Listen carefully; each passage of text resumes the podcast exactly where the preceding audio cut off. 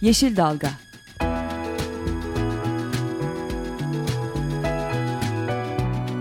Çevre mücadeleleri üzerine.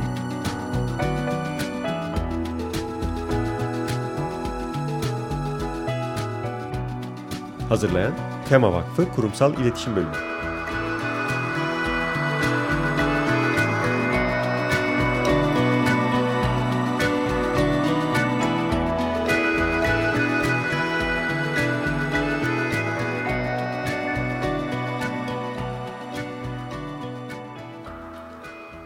Merhabalar, bir Yeşil Dalga programında da sizlerle beraberiz. Ben Gökşen Şahin. Ben Esra Yazıcı Gökmen. Bu hafta e, telefonla bir konuğumuz olacak bir de Ankara Mimarlar Odası Başkanı Ali Hakkan'la görüşeceğiz telefonda. Kendisiyle bu ODTÜ'nün e, ODTÜ ormanından geçecek olan yol projesini ve ODTÜ'deki son durumu e, konuşacağız. Ama ondan önce haftanın iyi haberi kötü haberiyle başlayalım istiyoruz. Ee, aslında haftanın ilk haberi geçtiğimiz haftalarda Fukushima'daki alarm seviyesinin 3'e çıkartıldığını ve bunun e, ciddi bir alarm seviyesi olduğundan söz etmiştik. Fukushima'dan yeni haberler gelmeye devam ediyor. E, bir tanesi bu nükleer santraldeki sorunların bir türlü bitememesi halinin e, devamı ile ilgili. Santral etrafındaki radyoaktif suyun yeraltı suyuna karışmaması için o bölgedeki toprağı dondurmayı planlıyorlarmış. E, dolayısıyla bunu yeni ve işte mucizevi bir çözüm olarak söylüyorlar ama zira bu hani hakikaten oradaki ekosistemi tamamen yok edecek Gerçekten bir çözüm mü? Yani hani bu da. Evet. Bir başka haber daha var yine Fukushima ile ilgili. Ee, onda da Fukushima bildiğimiz üzere 2011 yılında baş, patlamıştı. Ee, yani Fukushima nükleer santralinde bir kaza meydana gelmişti. Bu e, Fukushima'daki patlamadan toplamda 3 yıl sonra yani 2014'ün başlarından itibaren Fukushima'daki radyoaktif denize karışan radyoaktif suyun okyanus akıntılarıyla beraber Amerika'nın batı kıyılarına varması ve e, o bölgedeki konsant yani sezyum 137 konsantrasyonunu çok ciddi şekilde arttırması bekleniyor. Dolayısıyla e, bu hep işte yani aman onlarda nükleer santral var patlasa da bize bir şey olmaz fikrinin aslında doğru olmadığını ve ekosisteme bir şekilde kazara karışan radyasyonun bütün dünyayı etkilemeye devam ettiğini görüyoruz. Zira e, Dünya Sağlık Örgütü'nün de yani Dünya Sağlık Örgütü'nün de belirttiğine göre o cidden Amerika'nın batı kıyılarında e, radyasyon birikimi e, 2013'te ciddi şekilde artmaya başlamış ama 2014'te e, önemli seviyeye ulaşmasını bekliyorlar. Biz hep yani söylediğimiz de bu öyle bir e, tehdit ki bu nükleer e, dur yani bir kaza anında bu sonuçları etkileri durdurulamıyor. Yani yıllar geçse evet. de etki alanı yayılıyor. Yani bir kontrol altında tutalım durdurduk e, denmesi imkansız bir durum. Biz de hep o yüzden zaten e, Türkiye için de e, çok büyük bir tehdit olacağını söylüyoruz. Bir diğer haberimiz de Muğla'dan. Muğla'nın Seydi Kemer ilçesinde e, bir kaynak suyunun üzerine balık çiftliği yapılması planlanıyor. Buna karşı olarak da bölgede yaşayanlar e, Muğla temsilciliğinin de Tema Vakfı Muğla temsilciliğinin e, de, de desteğiyle bir geçen e, geçtiğimiz günlerde bir eylem gerçekleştirdiler. E, peki bu insanlar niye buna karşı çıkıyor balık çiftliğine? Çünkü çiftliğin yapılacağı yer kaynak suyunun tam e, suyun çıkış noktası. E, ilk olarak o bölgede yüzlerce ağaç kesilecek. Bu e, o bölgede yaşayan e, yaklaşık 4000 kişi, 3 adet köyde yaşayan 4000 kişiye yaşam veren e, su e, tamamen balık çiftliği için kullanılmış olacak.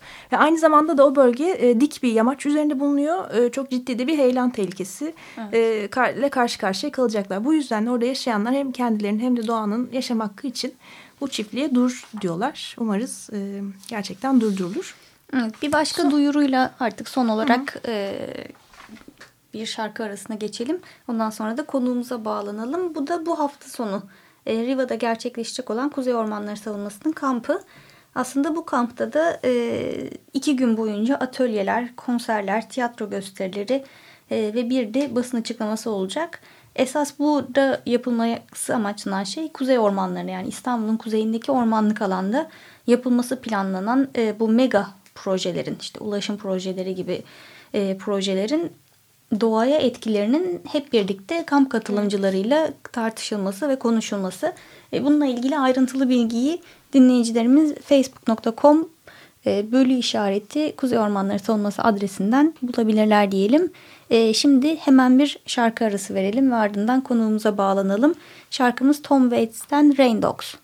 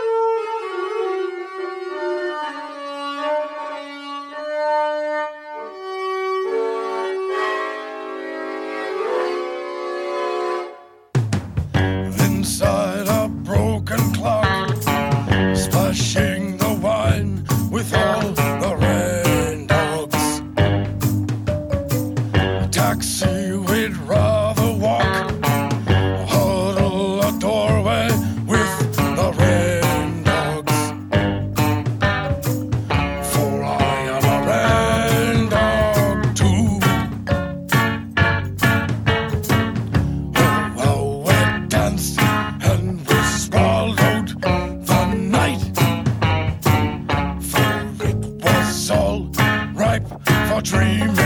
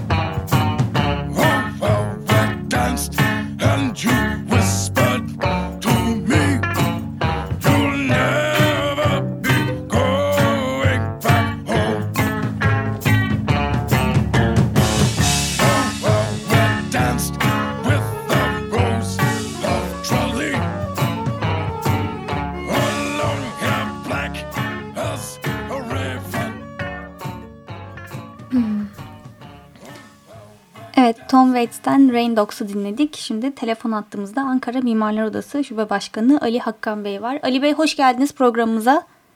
Hoş bulduk. İyi yayınlar diliyorum. Teşekkür ederiz. Ee, size biz biraz bu aslında ODTÜ Ormanı tartışmalarını sormak istiyoruz. O projenin 92'de başlaması, e, şimdiye kadar durması ama şimdi belediyeden onaylanması, e, bunun üzerine sit alanı olduğunun e, fark edilmesi gibi durumlar söz konusu. Böyle bir bir dizi bilgi dolaşıyor medyada ama sizden bu konuyu başından itibaren bir kısaca özetlemenizi rica edeceğiz. Evet, e, tabii sizin de bahsettiğiniz gibi 1993'ten itibaren aslında bu e, planlanmaya çalışan çalışılan bir alandır buradan yol geçirilmesi. O dönemde imar planlarına işlenmiş durumda fakat e, uygulamaya geçmemiş bir yol bu Ankara için. Özellikle son döneme geldiğimizde e, Çay yolu aksındaki Eskişehir yolu hattıdır biliyorsunuz. Hı hı, evet. e, çok ciddi bir kentleşmeden bahsediyoruz. Yani müthiş bir yapılaşma işte ticaret mekanlarının AVM'lerin olduğu bir alanda e, gelişen bir aks üzerinde çok yoğun bir trafik var şu an Ankara'da. Ve dolayısıyla 1993'te hayata geçmeyen bu yol yani o gün geçseydi işe yarar mıydı o da tartışılabilir.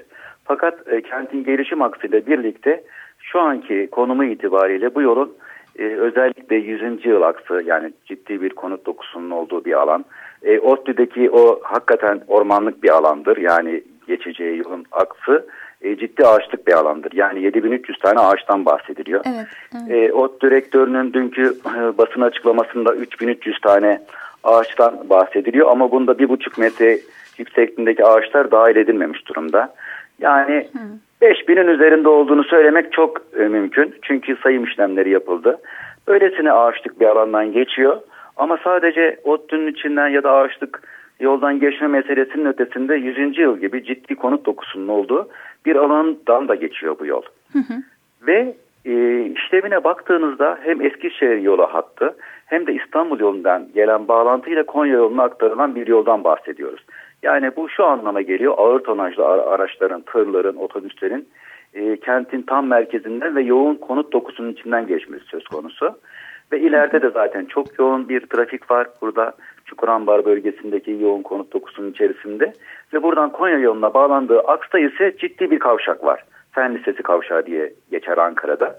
Dolayısıyla yani bu yolun bu işlevi e, yüklenmesi mümkün değil. Onu çok net olarak söylemek mümkün.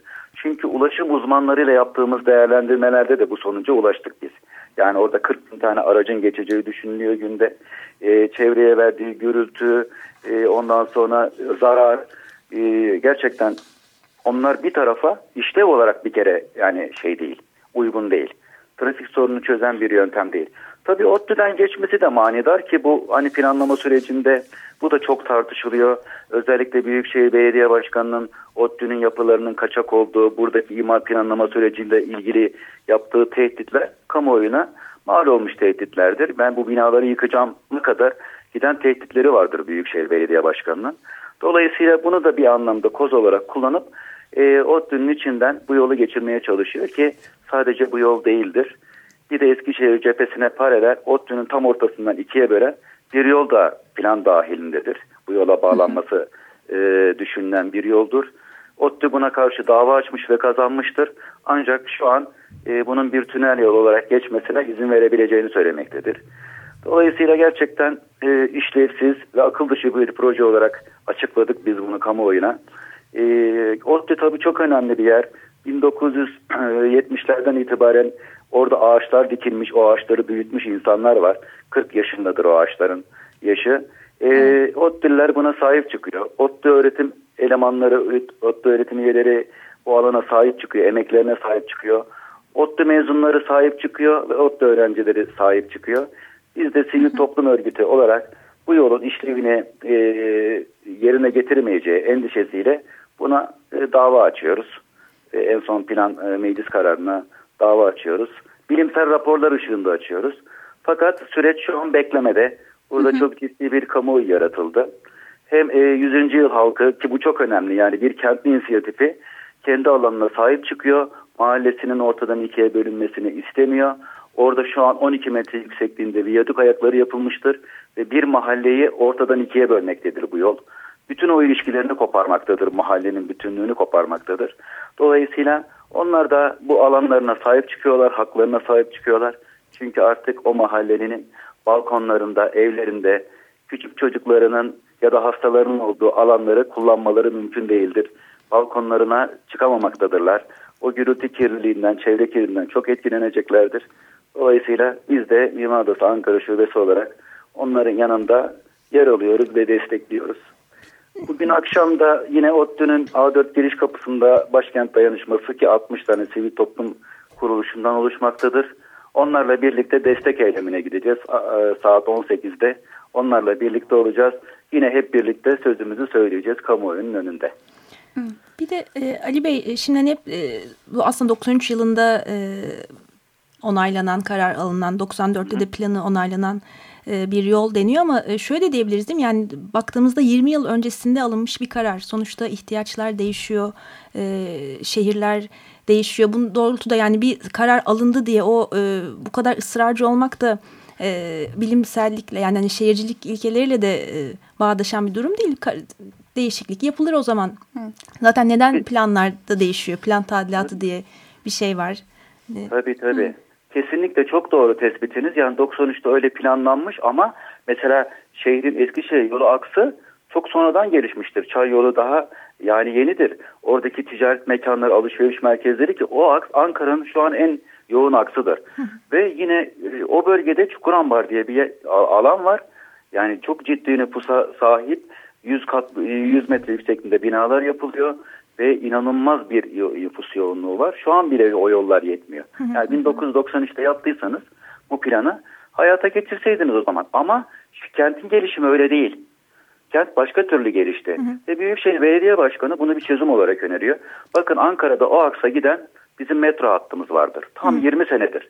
20 senedir beklemektedir. Ve bir santim bile o hattı yapmamıştır Büyükşehir Belediye Başkanı ve bugün hakikaten artık yani e, özellikle büyük kentlerde değil mi oto ulaşımı Hı. ki biz ona otoban yolluyoruz evet. artık vazgeçilmesi gereken bir şeydir. Yani Hı. insanları bir yere ulaştırmıyor bakın. Yani orada ciddi bir nüfus var ve metro hattı bu trafik sorununu çözecek bir sorun olarak e, ortada dururken Veli Kökçek bunu yapmayı Ulaştırma Bakanlığı devretti ve yine biliyorsunuz e, bu yıl sonuna kadar Ulaştırma Bakanlığı bu yolu bitirip hizmete açacağını açıkladı.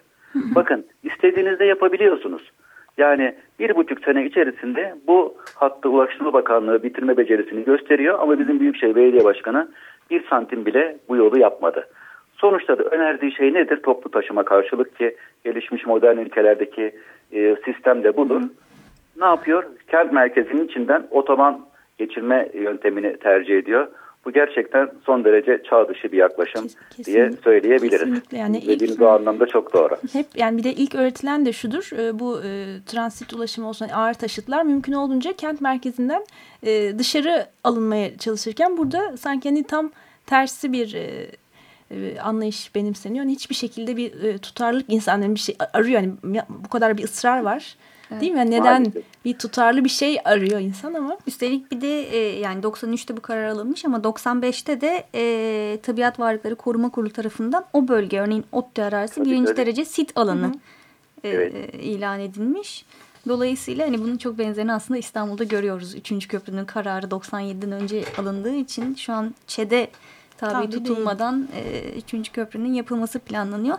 E, peki bir sorum daha var e, Ali Buyurun. Bey. Onda da birazcık değindiniz az önce ama e, Ankara'nın trafik sorunu ben e, Ankara'ya yani biz en azından Ankara'ya geldiğimiz dönemlerde gittikçe Ankara'nın trafiğinin biraz İstanbul'a benzediğini görüyoruz. Gittikçe daha büyük bir kaosla karşılaşıyoruz Ankara'da da. Ee, sizin çözüm önerileriniz nedir? Az önce biraz hani toplu taşımadan söz ettik ama daha net olarak onun altına çizmek gerekirse ya tabii yani ona e, biz sürekli değiniyoruz. Yani Ankara e, yani çok uzun zamandır yani işte o alt geçitler battı çıktılar Ankara menşelidir. İlk hı hı. o zaman başladı. Kent merkezinin içinde battı çıktılarla e, hızlı bir trafik e, yaşanmaya başladı. Bundan 15-16 sene öncesine e, dayanır bu süreç. Biz bunun bir çözüm olmayacağını da o zaman söylemiştik yine bilimsel raporlarla. Çünkü kent merkezine hızlı trafik akıttığınızda bir yerde bu kitlenecektir. Yani Avrupa kentlerindeki örnekleri e, biz gerçekten çok yakından biliyoruz. Gidiyoruz, izliyoruz, görüyoruz. Bu bilimsel bir yaklaşım değil. Bunun yerine e, toplu taşımayı ön plana çıkarmak lazımdı. Yani siz de çok iyi bilirsiniz Avrupa kentlerinde özellikle bizim gibi metropol kentlerde bu altyapılar yüzlerce yıl önce yapmış. Yani işte Moskova metrosu, Paris metrosu, İngiltere, Almanya'daki altyapı sistemleri ya da daha küçük ölçekli kentlerde yani işte Prag'a gidin, Budapeşte'ye gidin. Bütün kentin e, merkezine e, yerin altından ulaşabiliyorsunuz. Yani gidin o kentlerde kimse aracına binip işine tek kişi araçla gitmez. Biz maalesef maalesef ben de öyle davranıyorum. Tek başıma sabah arabama binip ofisime gidiyorum. Çünkü ulaşamıyorum bu alana ben. Çok yakında olsa. Yani taşıt öncelikli bir e, ulaşım e, politikamız var bizim. Aslında buna ulaşım politikasızlığı demek e, gerekiyor.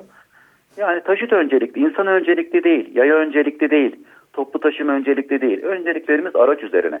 Hele hele giderek daralan değil mi? Yani enerji kaynakları açısından da baktığımızda bugün biliyorsunuz dünyanın en pahalı benzinini tüketen bir toplumuz biz. Evet. Ve sesimiz çıkmıyor buna. Sesimiz çıkmıyor. Öyle de alıştırıldık, öyle de dayatıldı, dayatıldı bize. Biz sürekli benzin tüketen, işte e, sürekli araç satın alan bir toplumuz. Halbuki Batı ülkelerinde öyle değil. İnsanlar sadece hafta sonu araçlarına biniyorlar, işte e, pikniğe gidiyorlar, e, gezmeye gidiyorlar. Sadece o amaçla kullanıyor biliyorlar. Biz ulaşım amaçlı olarak oto öncelikli bir toplum haline getirildik. Bunun altını çizmek gerekiyor. E, bu kadar pahalı oldu halde buna böyle davranıyoruz. Hatta yani hani araç sahibi olmak hani prestij olarak bir ailenin birden fazla da aracı oluyor. Yani zaten araç sahipliği oranlarına baktığımızda da korkunç bir hızla e, artış var. Bunun sonucundan hiçbir yol e, yeterli, yeterli olmayacak, olmayacak evet. zaten. E, ben bir şey sormak istiyorum tekrar Ali Bey. E, yol yapım çalışması şu an için beklemede dedik e, evet. Ankara'daki bu yolla ilgili. Bir yandan da bu e, sit alanı olduğu için o bölge e, bildiğimiz kadarıyla Çevre ve Şehircilik Bakanlığı'na e, proje sunuldu. E, evet. Orada son durum nedir? E, sizden bilgi alabilir miyiz? Evet. Şimdi zaten e, meclis kararını e, Temmuz ayının ortalarında e, Büyükşehir Belediyesi'nden geçti. Oradaki 3 şeritli yol 4 şeride, 4-4-8 şeride çıktı. Dolayısıyla Chopin Enstitüsü'nün yanından geçerken Otto arazisinin tam da içinden geçen bir yol haline geldi zaten yani. Birincisi bu. İkincisi buradaki plan süreci e, evet Çevre Şehircilik Bakanı'nın onayını bekliyor. Son yasal düzenlemelerle birlikte e, Büyük e, Çevre Şehircilik Bakanlığı bu yetkiyi devralmış durumda. Plan halen henüz onaylanmış değil. Ancak e, hem İstanbul yolu aksındaki alt geçiti bitirdi Melik Gökçek hem de 100. yıldaki e, biyodikleri yani üst geçitleri e, gece gündüz demeden çalışarak yapıyor. Yani ortada şu an onaylanmış plan olmasına rağmen kaçak göçek bu e, projeler hayata İnşallah. geçiriliyor.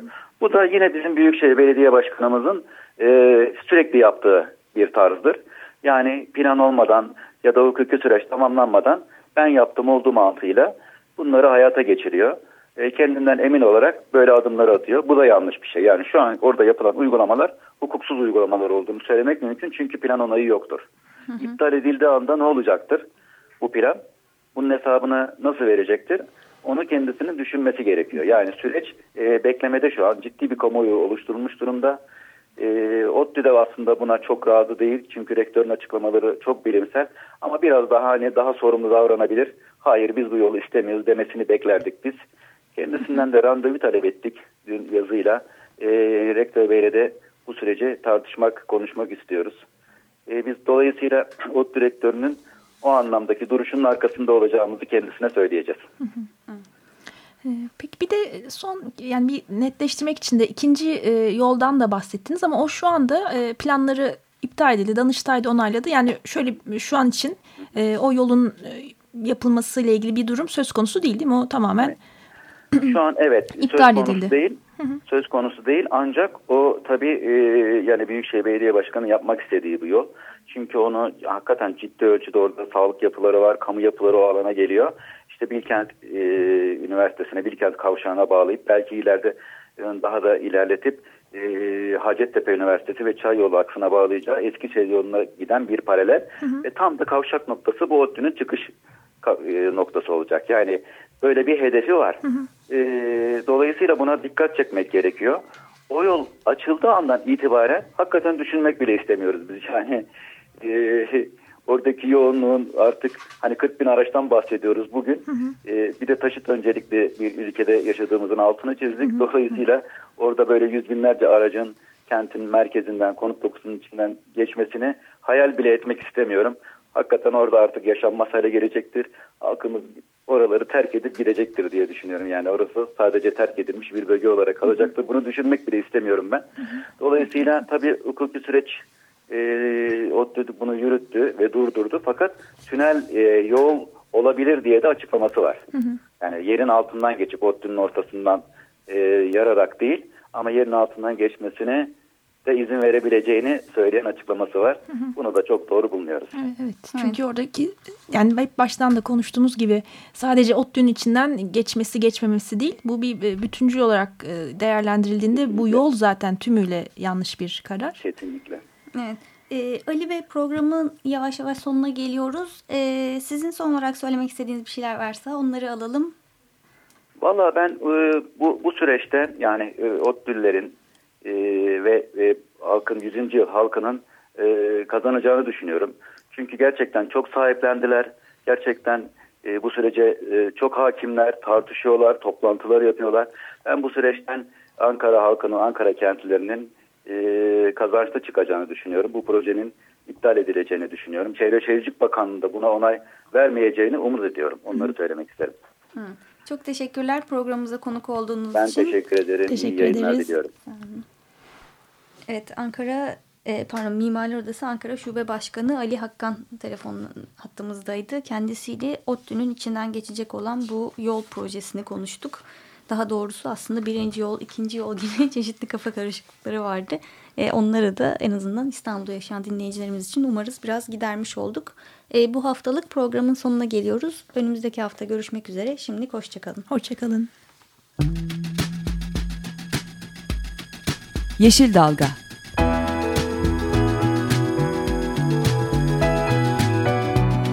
çevre mücadeleleri üzerine.